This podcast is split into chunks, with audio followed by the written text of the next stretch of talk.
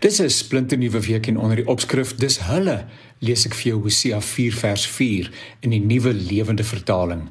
Moenie julle vinger na iemand anders toewys nie. Moenie die skuld op iemand anders pak nie. As iets sleg gebeur, val ons na twee kante van die bus af. Nie gelyketyd nie, maar een op 'n keer of ons verwens onsself of ons verwens ander. 'n Oordrewe skuldgevoel sonder substansie help nie en vingers wys ook nie. Daar is altyd vier vingers wat terugwys. Daardie vingers is beskuldigend en verkleinerend. Daai vingers wat na jou toe terugwys sê, "Kan jy niks reg doen nie?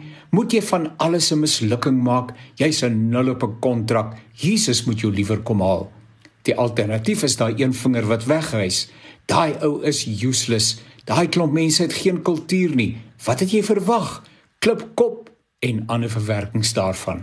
Skuld en beskuldigings wanneer dinge verkeerd loop, bring 'n mens nêrens nie. Dis moeilik en uitdagend om beredeneerd, nugter en verantwoord na te dink oor wat op die tafel is. Neem tyd en ontrafel die situasie. Wat kon beter gedoen gewees het? Waar val die pap spreek woordelik op die grond?